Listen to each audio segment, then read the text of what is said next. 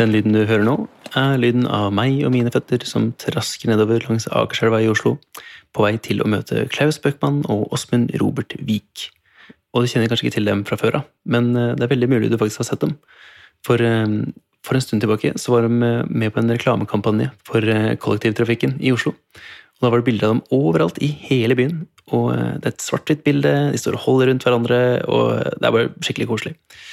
Men sjøl om det føles helt naturlig å se to menn som holder rundt hverandre i dag, så har ikke det alltid vært tilfellet.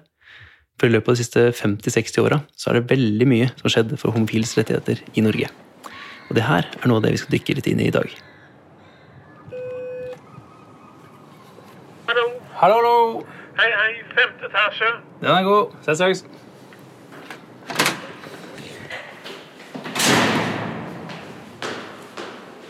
Femte etasje, ja. Jeg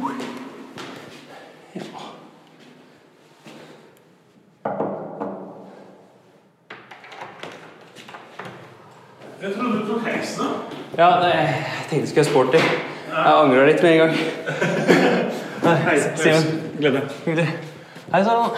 Hei sann! Du som også eller? Ja. Hyggelig. Godt møte dere. Det kan vel ikke være andre? Hei sann. Jeg heter Simen Strøm Bråten, og du hører på Folk om fortida. Det er podden hvor jeg snakker med eldre folk om stort og smått fra livet deres. Nå hører du på episode én av sesong to. Uten at det egentlig var noe sesong én. Jeg bare hoppa glatt over det og sklir noe elegant inn i sesong to. For eh, poenget her er, eh, og det er egentlig skikkelig gira over, at eh, nå kan jeg lage det her på en måte sånn som jeg føler at det bør være. Så det du kan forvente nå, er jevnlige episoder. Ja ja, folkens, jevnlige episoder. Så det det er snakk om da, er en ny episode annenhver lørdag hele veien fram til sånn februar en gang. Og det blir også en litt annen innpakning, litt annet format. Så de episodene som jeg har lagt ut før, på sånn rundt to timer, kommer jeg nok til å bytte ut med heller episoder på rundt 40-50 minutter. Og så blir det heller sånn bonusmateriale til dere som støtter podden på Patreon. Setter pris på det. Men nok om det. I den praten her så snakker jeg med Klaus og Åsmund. Og eh, vi snakker annet om det å være homofil på en tid hvor det rett og slett er forbudt. Og det er veldig mye jeg kan si om den samtalen her i sin helhet. Men sånn enkelt og greit så har jeg personlig fått et bedre perspektiv på hvor vi har vært som et samfunn, og hvordan det kan oppleves å ikke helt passe inn i det som er vanlig i det samfunnet som vi lever i. Og det er egentlig grunn nok til å høre på det, syns jeg. Så med det sagt, så tenker jeg vi bare kan sparke i gang sesong to med å høre fra Klaus og Åsmund om hvor og når dem er født. Ja, altså jeg er født 27. august 1947 i Wergelandsveien i Oslo. Bodde også i Wergelandsveien i Oslo, nærmeste nabo til kongen, og er så Oslo-gutt som det overhodet kan bli. Fasjonabelt eh, nabolag, hvis det er kongen er nesten nabo. Ja. Eh, og, du Åsmund, du var eh, Når var du født? 17. april samme år. 17. april 1947. 1947. Ja. Bare litt andre strøk? Litt annet strøk, ja.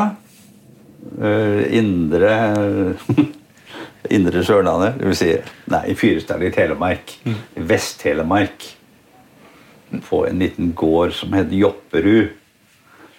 Eh, Og det, det var avsides da, og det er det fremdeles. Altså, det, det, det, er fraflytta nå. Ja. Ja, for eh, Hvis vi da hopper litt, eh, litt fram i tid, eh, så eh, Og vi kommer til eksempel sånn, ja, rundt eh, 18-19-20-åra. Hvordan var på det deres var det rundt den tida der dere kjente på kanskje noen, noen følelser som at dere var litt annerledes enn det som var samfunnets norm? Eller eh, når var dere kjente på det? Jeg hadde vel kjent på det egentlig fra jeg var tolv. Ja. Ja, for jeg, hadde et lite, lite forhold en sommer med en fetter av meg, som var en dag yngre enn meg. Um, og uh, Det lå liksom ulmet, og jeg, uh, men det var ikke noe jeg tenkte på. Det var ikke noe jeg hadde problemer med. Det bare var en del av meg. Ja, men det, altså, Ja, sånn, ja, sånn omtrent, omtrent samtidig på, ja, på slutten av barneskolen. Da var det liksom en følelse som overhodet ikke var noe navn på. Eller, Å nei, nei, det, var bare, det var bare der. Så navnet, det kom siden.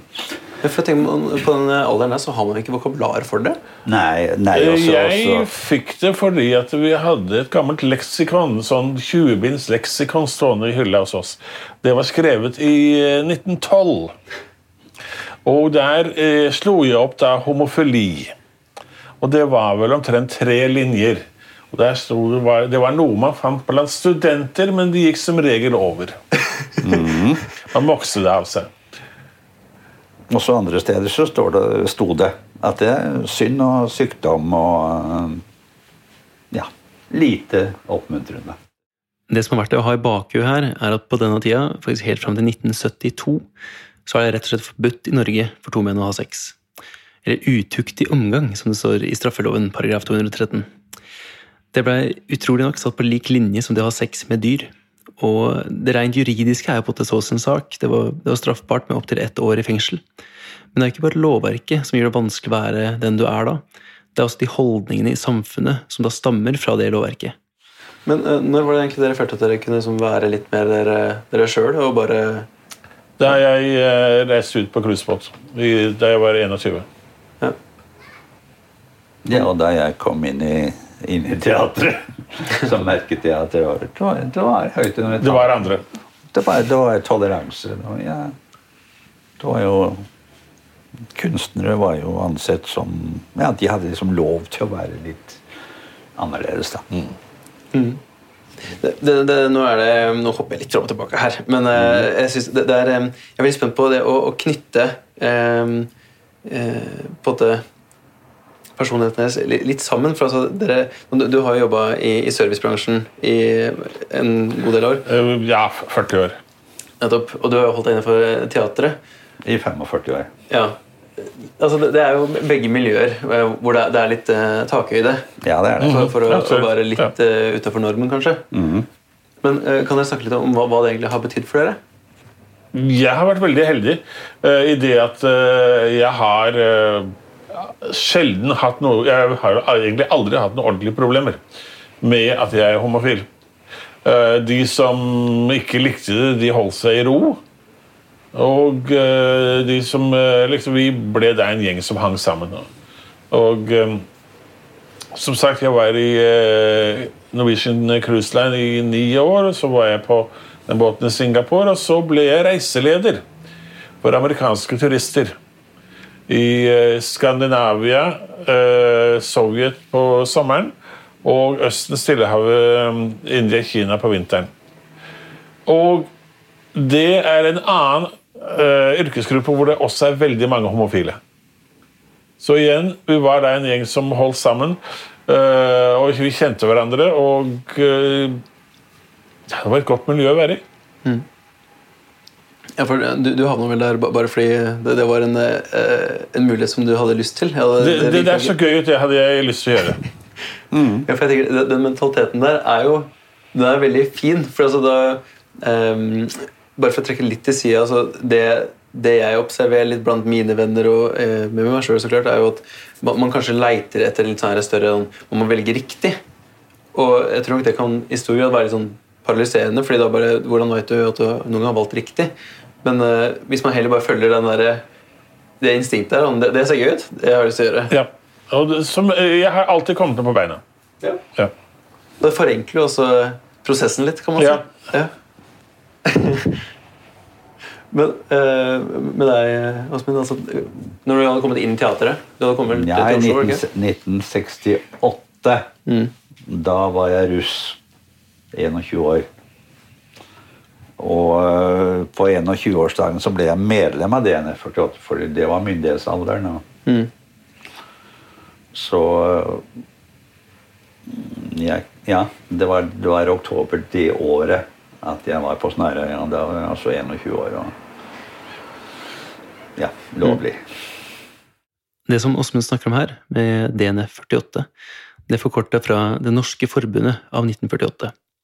Og det forbundet spilte en veldig viktig rolle sånn sosialt sett, for på en tid hvor homofili ikke var et tema i det hele tatt, så skapte DNF48 et slags rom hvor homofile kvinner og menn kunne snakke sammen om den situasjonen som den var i. Og I ny og ne hadde de også fester på Snarøya i Bærum, hvor de leide et lokale, under et dekknavn riktignok. Men det her var ikke noe som hvem som helst visste om. Det var skikkelig hemmelige greier. Til det punktet faktisk at hvis to medlemmer av DNF48 skulle ta bussen sammen på vei til det lokalet på Snarøya, så gikk de med på ulike holdeplasser for ikke trekke noe oppmerksomhet dit de skulle. Så både der, der du mm. eh, Men Innrømmer du for deg sjøl, eller innrømmer du for, for andre? Nei, det var for, for meg selv. For det var utad. Utenom det rommet så var det ikke snakk om det. Og det var som sagt ikke noe skap å komme ut av. Mm. Når eh, Åsmund da etter hvert velger å komme ut, og han skal si ifra til foreldrene sine, så skriver han et brev. Og Jeg spurte han om hva han faktisk skrev i det brevet. Ja, hva skrev jeg? Nei, det er, det er, så lenge siden, og uh... Ja, jeg skrev hvordan det sto til med meg at, at uh vel Jeg nevnte vel også at de ikke kunne regne med å få noe barnebarn. eller noe sånt. Mm. Og så fikk jeg svar etter en uke. Da, da sa min mor at vel, er, hvis, hvis, du er lykkelig, så, så er det bra. At hun kjente et par damer i Arendal som hadde bil, og de kjørte turer sammen. Altså, da røpet hun at hun kanskje ante noe om at Eh, det fantes sånne, sånne kvinnepar, ja. Men ellers aldri snakk om. Nei. Ingen av dem snakket om det. Så jeg, jeg, har nok eh, skuffet min far ganske betydelig. Fordi eh, jeg viste ikke noe interesse for sånn tungt kroppsarbeid. og sånn. Det, det, var det som var arbeid for han. Mm. Og viste ingen interesse for noe gårdsdrift eller noe sånt heller. Så, så det der med det, min intellektuelle interesser, det, det, det, hadde han ikke noe forhold til i det hele tatt. Eh, vi var på turné med, med teatret innom i bygda mm. med en komedie, og da fikk, fikk, jeg, fikk jeg en til å komme på forestilling. da jo, det var, det var bra, dette, sa han. Og så Ja. Det var det. Ja. Men um, hva betyr det egentlig for deg da at han faktisk dukker opp? Altså, det virker ut fra det du sier, at han, det, det, skjedde kanskje bare den ene gangen? eller? Ja, bare den ene gangen, ja. ja. ja da. Men fokuserer du på han når du da står på scenen? egentlig? Nei, Du står ikke på, på scenen? Nei, nei, nei. nei du er tekniker? Mm. Mm. I forskjellige funksjoner gjennom åra. Mm. Ja. Mm. Tenk på det, det er jo Det må jo være ganske sterkt, da. Eh, når familien din faktisk eh, observerer noe som du jobber med, og som du legger veldig mye sjel i. For, altså, jeg vet jo, for, min egen del så uansett eh, altså Nå jobber jeg jo med å lage film, eh, og uansett hva folk sier om det er eh, kunder som er kjempefornøyde og sånn, så det, det, er jo for all del det man burde sikte for. Men er det én ting som betyr mer for meg enn noe annet, er det å kunne se foreldrene mine reagere på noe jeg har lagd, noe jeg har vært med å skape. For den, den følelsen der er jo er helt egen.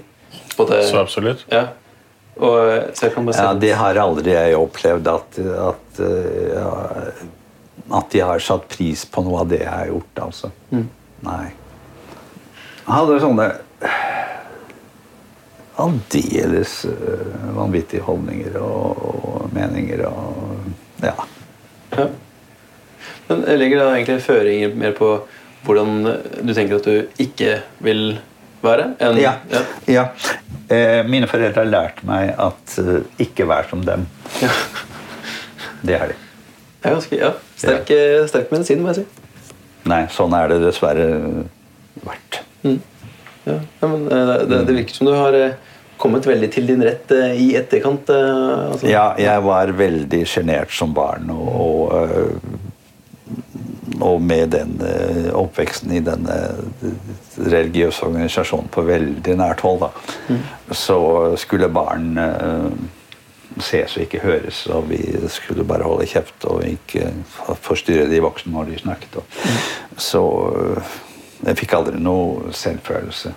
Noe positivt. For Klaus sin del var det å komme ut litt annerledes. Men det er én samtale han husker godt. Det er en samtale han hadde med en god kompis, og de sitter i en parkert bil i en liten boble i en av sidegatene til Bogstadveien i Oslo. Men dette er deg den 14. desember eh, 68, så det er bikkjekaldt i denne jævla bobla. Det er jo ikke noe varmeapparat i det der. Men kan du fortelle om den, den samtalen som du hadde der? Den husker jeg egentlig ikke så veldig mye eh, om. Altså, Vi snakket om hans liv og vi snakket om mitt liv. og Det eneste jeg egentlig husker, er det spørsmålet som kom helt til slutt. Og det var eh, om jeg var homofil. Den gangen var ikke Klaus helt sikker. Der han satt i den parkerte bilen, svarte han enkelt og greit 'jeg veit ikke'. Dagen etter dro han til Miami, og ikke lenge etter opplevde han noe som plutselig gjorde han litt mer sikker. Den historien, riktignok, den fikk jeg aldri med på opptakeren min. For når du jobber med podkast, da er jo lyden egentlig alt du har å jobbe med. Men når lyden ikke tas opp av en eller annen merkverdig grunn, da sitter du der, da, med hendene tomme og skjegget i postkassa. Så derfor ringer jeg heller til Klaus nå, og skal høre historien rett fra han. Ja, hei, det er Klaus. Hei, Klaus, her er Simen. Ja, hei, hei. Klaus forteller meg at både han og Åsmund sitter på et hotell i Drammen, for denne dagen ble nemlig Pride-festivalen arrangert her i byen. Tidligere så har han faktisk reist rundt til Pride-festivaler i Moldova, Ukraina, Gdansk sikkert mange mange flere, men det er bare de få jeg kan huske akkurat nå. Og etter vi har prata litt om været, så minner jeg han på den kalde vinterdagen i 1968, da han sitter i bobla med en kompis, og den samtalen de hadde der. Jeg reiste jo til USA dagen etter. Og uh, mønstret på et uh, cruiseskip uh, i Miami. Og første cruiset gikk til Jamaica eh, juleuka. Og da hadde jeg møtt en gutt fra Costa Rica som jeg likte veldig godt, og vi ble venner, og da gikk det opp for meg at jeg var homo. Ja. Så det kom da et par uker etterpå. Ja, for Skjedde det så plutselig på noe? At det, det bare, den, den åpenbaringa bare kom til deg, eller var det noen Nei, altså, øyeblikk Det, det, det som skjedde, var at han tok meg med på en homobar i Montego Bay på Jamaica Mm. på første juledag. Og uh, så, som da i ett-to-tiden om natten, så skulle vi tilbake til båten. Og uh, fra hovedveien og ned til havna så var det et område hvor det var eh, sukkerplantasje Ja. med eh, masse sukkerrør. Så, så, stoppet, så ba han sjåføren stoppe sånn halvveis i dette her, sånn halvveis ned til havna. Og eh, så skulle vi da spasere eh, resten av veien, og eh, tre og et halvt minutt senere så ligger jeg eh, i eh, sukkeråkeren med beina i været og tenker aha. ja, det Ja, det, er faktisk alt sant. en eh, bra åpenbaring, det der. Ja, absolutt. Ja, for uh, Det er liksom i det øyeblikket der du, du innser det for deg sjøl, men forandrer det noe i etterkant, føler du? Det gjorde det ikke. Fordi at jeg, jeg, var, jeg delte jo lugar med noen andre, og der var det flere homofile blant dem. Så det var, det var bare det at jeg, det gikk opp for meg. Men det forandret ingenting når det gjaldt jobb eller eh, vennskap osv. Mm. Akkurat det siste som Klaus nevnte her, at det forandra ingenting når det gjaldt jobb eller vennskap osv., det var nok ikke det samme for alle på den tida. Så jeg spurte om han kunne gi telefonen videre til Åsmund. Hallo? Hei, hei, du. Hei. Godt å høre deg. Det jeg ville finne ut av, var om en utleier for eksempel kunne be deg om å flytte fra leiligheten din, eller om du faktisk kunne få sparken fra jobben bare fordi det viste seg at du var homofil. Det var oppsigelsesgrunn, ja. Det var det. Både de Altså, du kunne, du kunne miste jobb, og du kunne miste bolig. Mm. Det skulle lite til, egentlig. Ja. Eh, Hvis du har, har et lite øyeblikk til det, altså, eh, kan du fortelle litt om hvordan, eller hva slags rolle DNF 48 egentlig spilte på den tida? Eh, Hvilken rolle jeg spilte den gang? Ja. Nei, det var jo en eh, varmestue. Et en, etterlengtet fristed hvor en kunne være seg sjøl. Fullt og helt. Innenfor trygge vegger. Mm. Og eh, det leieforholdet på Snarøya, det var under dekknavn det også. Det var Foreningen for by og bygd. Og når, når Snarøya idrettsklubb fikk vite hvem vi egentlig var, så var det slutt på det leieforholdet. Mm. Så, så hemmelig var det. Det samme spørsmål som Klaus fikk i den bilen da han var 21 år gammel, det fikk også Åsmund en god del år seinere, som han sjøl la trykk på under intervjuet. Det var ikke fra en venn. Ja, det var, eh, det var en lege. En lege. Ja. For i, i 1993 så var jeg på paragliderkurs. Og så på siste kursdagen i Aurland i Sogn så styrte jeg til jorda. Så jeg ble plukket av, opp av en luftambulanse og fløy til Førde. Og operert, og, og så deretter til ø, Aker sykehus og var der i fem uker. På geriatrisk avdeling.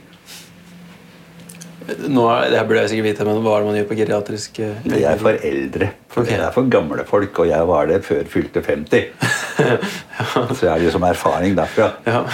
Og så eh, siste lørdagen jeg var der, før jeg skulle til eh, Toten, til uh, intens fysioterapi, opptrening, så kommer det en lege farende. For jeg satt på gangen og snakket med sykehuspresten. Fordi jeg ville benytte sjansen til å lirke ut litt hva slags holdninger han hadde. Og de viste jeg bare positive. Så kommer det en presten og, og, og farende og avbryter oss. Helt fullstendig taktløst. Og sier at jeg må snakke med deg. Og det må skje nå. Ok. Inn på mitt rom, da. Og så er, så spør, så er jeg rett ut. Er du homofil? Ja, sa jeg. Jo da, han hadde funnet ut at eh, kroppstemperaturen varierte eh, fra morgen og kveld. Så han hadde da trukket den slutning at da måtte jeg være hiv-positiv. Og han angrep jo på det mest sårbare. da. Og hvis ikke han visste at kroppstemperatur varierer, så kunne jeg fortalt ham det.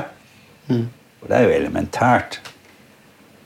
Altså, for en dust av en doktor. Men, men altså, når du sitter der og han snakker om at du er hiv-positiv, Ja. veit du da med trygghet at det her er ikke tilfellet? ja, det vet jeg, da. Ja, okay. Ja. Ja, jeg på, når, eh, Hvis en lege sier noe sånt til deg, det har jo en viss tyngde, føler jeg. Ja, men du verden, det, han bare røpet sin totale mangel på fagkunnskap. Nei, Hiv var jo veldig eh, nytt også på den tiden, da, så, Ja. men dette gikk jo over grensa. da. Ja, så lurt. Ja. Hva sier du til eh, sånt, egentlig? Nei, hva skal man si? Jeg prøvde å øh, Jeg skrev til ham. For da, da Jeg husker det hva han het da. Men det var bare svada jeg fikk tilbake. da. Men jeg snakket med en som jobber i Legeforeningen. Han var rystet over det der. altså Så hadde jeg vært litt mer eh, åndsnærværende, så har jeg anmeldt han til Legeforeningen. Ja. Men eh, altså det, det, det arbeidet som dere har gjort for både skeives rettigheter, blant, blant annet, eh, det, har det vært sånn eh, det, det her er det vi må bruke tid på, eller er det en sidestilt aktivitet? Ikke, ikke en hobby, men altså, eh, skjønner du hva jeg mener? For altså, Du har jo hatt servicebransjen og du har jo hatt teatervirksomheten. teatervirksomheten. Så uh, har det vært noe som dere føler sånn Nei, det her er viktigst. Det her er det vi må satse på. Altså, hva er det som har vært i forsetet der for dere? Så er det Altså, jeg kom ikke tilbake til Norge før i uh, 98. Nei. Og da ble jeg eh, trukket inn i en organisasjon som heter eh, Den norske bamseklubben. Som er da godt voksne menn som kanskje er litt større enn eh, normalstørrelsen, og gjerne med litt mer skjegg enn det som er normalt. Og de er jo bl.a. i paraden hvert år, og annethvert år så vinner de prisen for beste innslag. Og det er grunnen til at det er annethvert år, de kan ikke vinne det hvert år. Det er en god grunn. Og eh, så eh, kom jeg ikke inn i fri før eh, Var det ti? Det var i ti vi møttes Ja, ved, der omkring. ved Altså middagsbordet. 2010. Og eh, fordi at eh, jeg ville gjøre noe mer. Og eh, ble ganske kjapt valgt inn i styret for Oslo og Akershus-avdelingen. Og har i grunnen jobbet med dette siden. For, eh, nå nevnte dere så vidt, men eh, kan dere fortelle egentlig om, eh, om hvordan dere møttes? For det nevnte dere over, over middagen eh, der. Ja, det, var, det er vel hans eh, vi skal skylde på. Det var han som hadde bordplasseringen. Og var det det, ja? Ja, jeg vet ikke. ja, ja. jeg tror det. Nei, Vi ble plassert ved siden av hverandre på jubileumsmiddagen. Og eh, ja, vi har kjent hverandre siden. Og det var i 2010. Ja, den norske homobevegelsen fylte da 60 år. Ja. Hvordan var den kvelden, egentlig? Det var en kveld. Ah, det var en bra kveld. Ja. Du ble sittende og skravle en masse. mat og- Ja, god mat, og du ble sittende og skravle en masse. Ja, Og har holdt kontakten siden. ja da. Og masse, masse samarbeid. Og, Mm. og i de samme sirkler. Og jeg syns vi utfyller hverandre Ja, og eh, perfekt. nå i det siste da, disse reklamegreiene som vi har eh, rota oss borti. Ja, det, det bare begynnelsen på karrieren. det. Ja, det. Men Kan dere fortelle litt om, om hvorfor dere egentlig eh, eh, Ikke noe selvfølgelig kallet til å gjøre det, men altså, jeg antar at det, det, motivasjonen deres til å gjøre disse reklamejobbene, blant annet, eller til å, å være med i disse organisasjonene Kan du bare få snakke litt om, om hvor den motivasjonen kommer fra? Nei, den, den kommer jo veldig dypt, dypt fra den. Altså, Når jeg kommer inn i den organisasjonen og skjønner at uh, her, her må det gjøres noe, så kan jeg ikke bare stå på sidelinja og se at andre gjør noe. Jeg har deltatt. Og jeg har alltid deltatt. Så det har bare blitt så eh, fullstendig naturlig del av livet. Og så ja, være med og se at vi får til ting. Og se hvor mye det betyr for folk. Så der eh, Det er takken en har. Å se de fornøyde menneskene og de smilene. Og, Ja, så absolutt. Ja. Jeg, eh, altså Det var vel eh, på slutten av 70-tallet så øh, bestemte jeg meg for at øh, hvis noen spør meg om jeg er homofil, så vil de få svare ja. Jeg kommer ikke til å avertere det, jeg kommer ikke til å gå og holde noen i hånda på gata, eller noe sånt, men hvis de spør, så skal de få svar. Og det gjorde meg i grunnen veldig behagelig. Eh, Så kom jeg der hjem i 98, og da, eh, da er det jo mye mer avslappet eh, forhold enn hva det var i Miami, Florida. Og jeg er vel kommet så langt ut av skapet som det går an å få blitt. Jeg går paraden. I fjor så gikk jeg foran sammen og holdt bannere. og så hadde jeg den eh, reklamefilmen for Hafselen hvor vi står og kliner i et eh, soveromsvindu. Og nå denne kampanjen med Ruter hvor jeg, vi begge to er uthengt over hele byen. Det er så flott. Og det må jeg si eh, Den jobben, eller det firmaet jeg kom inn i da jeg kom tilbake til Norge, mm. de var veldig åpne og avslappet. Eh, Så der eh, Alle som eh, var homofile i det firmaet, det var helt greit. Det er et, et av Norges større firmaer. Jeg vil ikke nevne navnet. Ja, for, kan, du snakke litt om hva slags type Ikke bekymring, men altså jeg, jeg tror det er lett å tenke at i dag så, så er det på en måte Det er greit. Eh, men nå, nå kommer jo dere fra eh, liksom, Dere begge, begge kjente vel på at det, det kanskje var noe, eh, At dere følte det litt annerledes eh, i fire år før loven ble endra i 72. Ja. Og at det var i 68 for dere begge. At det, da var det en, en endring som skjedde kanskje internt. Eh, men de, de følelsene som dere satt på da, var jo kanskje blanda litt med at det er faktisk forbudt for menn å være homofil i Norge. Eh, men altså, for, I 72 Det var jo ikke det at eh, havet delte seg og alt var perfekt. Du, som Åsmund Nei. sa i stad, så var det veldig mye som måtte jobbes med, og som fremdeles må jobbes med. Absolutt. Eh, jeg har en annen venn av meg eh, som eh, kommer fra en eh, eh, kristen familie på Vestlandet. Og eh, han hadde jo store problemer når han eh, kom til skapet, og eh, ble vel omtrent sparket ut av den eh, kristne organisasjonen han var medlem av. Og han sleit med veldig mye der. Jeg har gudskjelov aldri hatt de problemene. Jeg, jeg har som regel bare sklidd rett igjennom. En ting er at det er alt det vi har oppnådd. Noe annet er at det må forsvares. Ja, absolutt. Hva, tenker du på da? Det er mørke krefter, politiske høyrekrefter f.eks., som, som ikke liker oss, for å si det Ja, Både i Norge og eh, ja, akkurat nå spesielt i USA. Ja. Polen, Ungarn, Tyrkia.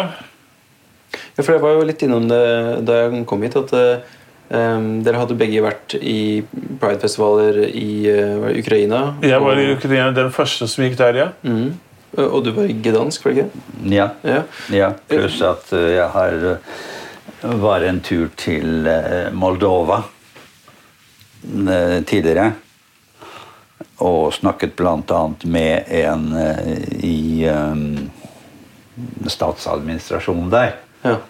Og det var som å snakke til en vegg, altså. Fullstendig eh, Han ante ikke hva, hva det gjaldt. Men hva slags spørsmål er egentlig som tas opp da? Hva, hva snakker dere om? For altså, jeg antar at det, jeg, jeg, det må vel ikke bare stå der og forsvare dere? Nei, altså, du, har jo, du har jo de mer eller mindre faste spørsmålene at uh, det, er, det er et valg å være homofil. Og uh, homofile kan jo ikke få egne barn, så de må rekruttere våre barn. Og hvis du har homofile lærere, så vil de påvirke studentene, så de blir homofile. Og eh, hvis man leser for mye om homofili eller ser regnbueflagg, så vil det også påvirke ungdommen, så de blir homofile. Altså vil, ja, de vil få sånn lyst til å prøve. Ja, de får sånn lyst til å prøve. Ja. Ja. Og det er aktuelle temaer i dag. Ja. ja, det er det. Ja. Hvordan føler dere egentlig at situasjonen er, er den dag i dag? Altså, for dere har jo kommet kom, altså, Jeg håper samfunnet kommer Altså I langt. Norge i dag så er det vel de fleste yrker. Så om ikke annet så blir vi tolerert. Ja. Ja. Det er vel heller religionen det er problemet med. Det er nok haken, ja. Ja. ja det er det. Men eh, det, det er verdt å trekke fram at, han, det, at Nå husker jeg ikke helt på den organisasjonen het som eh, dere var med i, men altså, at dere faktisk har lagt grunnlaget for det Åpen kirkegruppe. ja, at det faktisk er lovlig den dag i dag å gifte seg som Ja. homofilt par. ja. Det er, ja, det er så stort. ja, men samtidig så har du jo frikirkene som driver med denne konverteringsterapien overfor ungdom. Det har jeg ikke hørt noe om. Hva, hva, hva ligger Jo det? da, det er Vår eh, kjære barne- og familie, eh, ikke likestillingsminister, eh, er jo med i en frikirke som driver med konverteringsterapi. ja, de har jo Altså, tatt avstand fra det. da. Ja. eh, de har tatt avstand fra noe av det, men det er fordi at det var eh, et eh, press fra eh, pressen. Konverteringsterapi? Ja. Hva er det man skal, Eh, Man skal uh, gjøre homofile ungdommer om til heterofile, lykkelige ungdommer. Hvis man gir seg over til Gud Ja. fullt og helt, så, så blir man kvitt disse følelsene. Ja. Men det der er en hel kveld, så Ok, ja, ja men det er greit. Men, ja, nei, eh, det, det, er- det er fint at man, man, man må jo ha kommet et godt stykke på vei. Ja. det har man. Ja. Men så har du da, altså i Norge er vi kommet veldig langt, men så er det andre land hvor det går baklengs. ja. Senest det- denne uken Brunei. Jeg, jeg har ikke Og, eh, Brunei i er et land i eh, Østen de innførte jo stening av homofile denne, denne uken. innførte det. Ja. ja. Ja. Så det, det er ennå veldig mye som må gjøres. ja, det kan jeg tenke meg. Og dødsstraff i Iran og Ja. Arabia, f.eks. Er, er det 13 land som har dødsstraff? Nei, det er vel ikke fullt så, så mange, men det Er er, det det er ille nok. Ja. Og vi har oppnådd mye her i Norge. Vi må være solidariske med de som ikke har kommet så langt. ja. Da jeg snakka med Åsmund på telefonen tidligere, så snakka vi om nettopp det her, om at noe av grunnen til at de er på Pride-festivaler rundt omkring, er bl.a. for å markere og feire det som de har kjempa for, og det de har oppnådd så langt. Ja, nemlig. En historie verdt å kjempe for, en slagord i år. Og vi kunne fint stoppa der. En historie verdt å kjempe for. Det, det hadde vært en herlig avslutning, for det er jo akkurat det der. Men da jeg var hjemme hos Klaus Åsmund, så spurte jeg dem om hva som de ser på som sine oppnåelser innenfor det arbeidet de har gjort. Og det syns jeg er verdt å anerkjenne. For det er en veldig lang vei å gå fra å måtte skjule hvem du er, til å kunne feire kjærlighet i alle slags varianter med venner og ukjente som bare vil deg vel. Oppnåelse Ja, vi, vi har jo vært med på å få til samfunnsendringer. Ja, og Og nå er vi veldig eh, involvert i eh, seniorpolitikk og få ting til å Ja. skje for de eldre. Hvordan er den, den samtalen rundt eh, seniorer, altså eh, homofile seniorer som dere snakker med? Altså, er, det, er det folk som både kommer ut i uh, eldre alder, holdt jeg på å si, eller er det det er det noen som gjør. Ja, det er Ja, Ja. I godt voksen alder. Faktisk, i eh, 2015 så fikk eh, Åsmund en telefon fra det som i dag heter FRI, Foreningen for kjønns- og seksualitetsmangfold. Og eh, der fikk han vite at han var nominert til Frivillighetsprisen det året. Og etter hvert så skulle det vise seg at han faktisk vant hele sulamitten. Og da fulgte det også med 50 000 kroner som måtte brukes til noe fornuftig. Og det han ville gjøre da, var å lage en møteplass hvor lesbiske, homofile, bifile og transseniorer kunne enkelt og greit være seg sjøl. Og det her endte opp med å bli kalt et regnbuetreff. Så da tok jeg kontakt med eh, Oslo Bymisjon og Kampen, fordi jeg hadde hørt en radioreportasje derfra. Og fikk et veldig godt inntrykk av stedet. Og jeg visste jo at Bymisjonen var våre venner, for der hadde vi erfart eh, mange år tidligere at der var det åpne dører når andre var stengt. Så det var også høyt under taket. Og dette ble åpnet av generalsekretæren i, i eh, Bymisjonen. Det var presse til stede, det var NRK var der, vi var på Dagsrevyen samme dag. og ja, det, det ble blest om det, da. Det ble, for dette var jo aller første tilbud av sitt slag i Norge. Så det var en pangstart, og, og det har vist seg at dette er blitt så populært at eh, det kommer eh, Ja, 40 er vel 40-50 er, no- ja, 40-50 er lite. normalt. Ja. 50 er normalt, og det har vært over 60. Og det kom en gang en mann på 92 år der som sa at endelig hadde han funnet et trygt møtested. Og når du hører det, da får du lyst til å stå på videre. Ja, du får frysninger. Ja. Så eh, det er så givende å se hva det betyr for folk. Altså, nå snakker vi jo kun om på litt av høydepunktene, og sånn, men ut fra det arbeidet som det, det virker som dere gjør, og både det, den innsatsen som dere legger ned, så opplever jeg det som at dere er i alle fall eh, Om ikke at dere er opptatt 24-7, så virker det som dere spiller en stor rolle. Altså Om det bare er i form av hvem dere er, og måten dere er med andre på, så virker det som dere har en stor effekt på andre mennesker. Ja, jeg må vel si at vi er en rollemodeller for de yngre. ja da, og eh, altså, innen miljøet er vi jo kjent. Ja, Og spesielt nå, da. Men eh, sånn som under priden og sånn, så er det veldig ofte at ungdommene kommer til oss. ja. Mm. Er det noe dere som egentlig skulle hatt eh, ville hatt mer av? Eller? Jeg setter veldig stor pris på Det det. er veldig, ja. veldig givende å se at de unge er så engasjert, Ja. og at de skal overta organisasjonen som vi har vært med på å bygge opp. Ja. Så jeg er ikke i tvil om at det, den kommer i gode hender. Ja. Og samtidig så har jeg eh, gjennom vennskap og ja, nærmest gjennom vennskap skapt meg noe som heter en valgt familie. Hva vil det si? Det er nære venner som du anser som din familie fordi du ikke har egen familie. Altså Jeg har uh, ingen brødre. Søskens eh, foreldrene har gått for lenge siden. Utover uh, i familie ellers så har jeg ingen kontakt.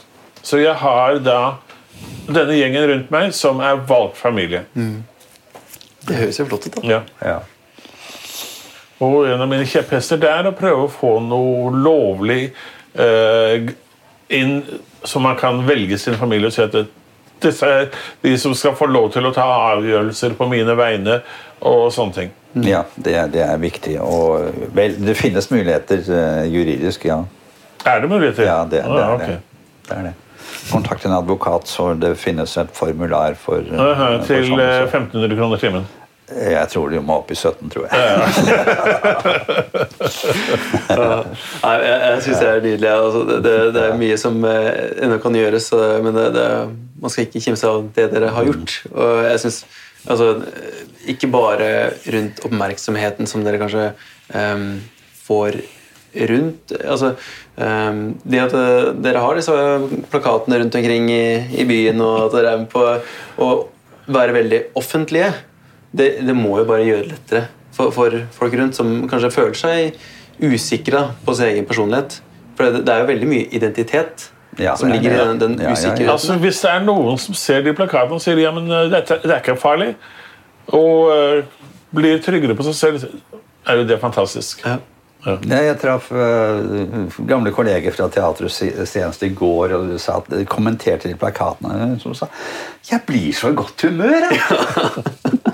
Ja, Jeg var jo på min eh, gamle arbeidsplass eh, tidligere i dag og spiste lunsj. Og da var det veldig mange der som jo da, de hadde tatt trikken.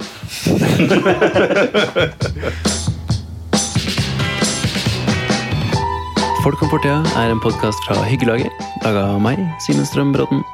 Lyden er miksa av Kristander Rønneseth. Og hvis du er gira på noe behind the scenes-greier fra episodene, eller om du bare vil støtte podden med en liten slant på en jevnlig basis, så kan du sjekke ut Folk om fortida på patreon.com. Det er p-a-t-r-e-o-n. Ja, neste episode kommer om to uker. Og eh, fram til da så får du ha en flott dag videre.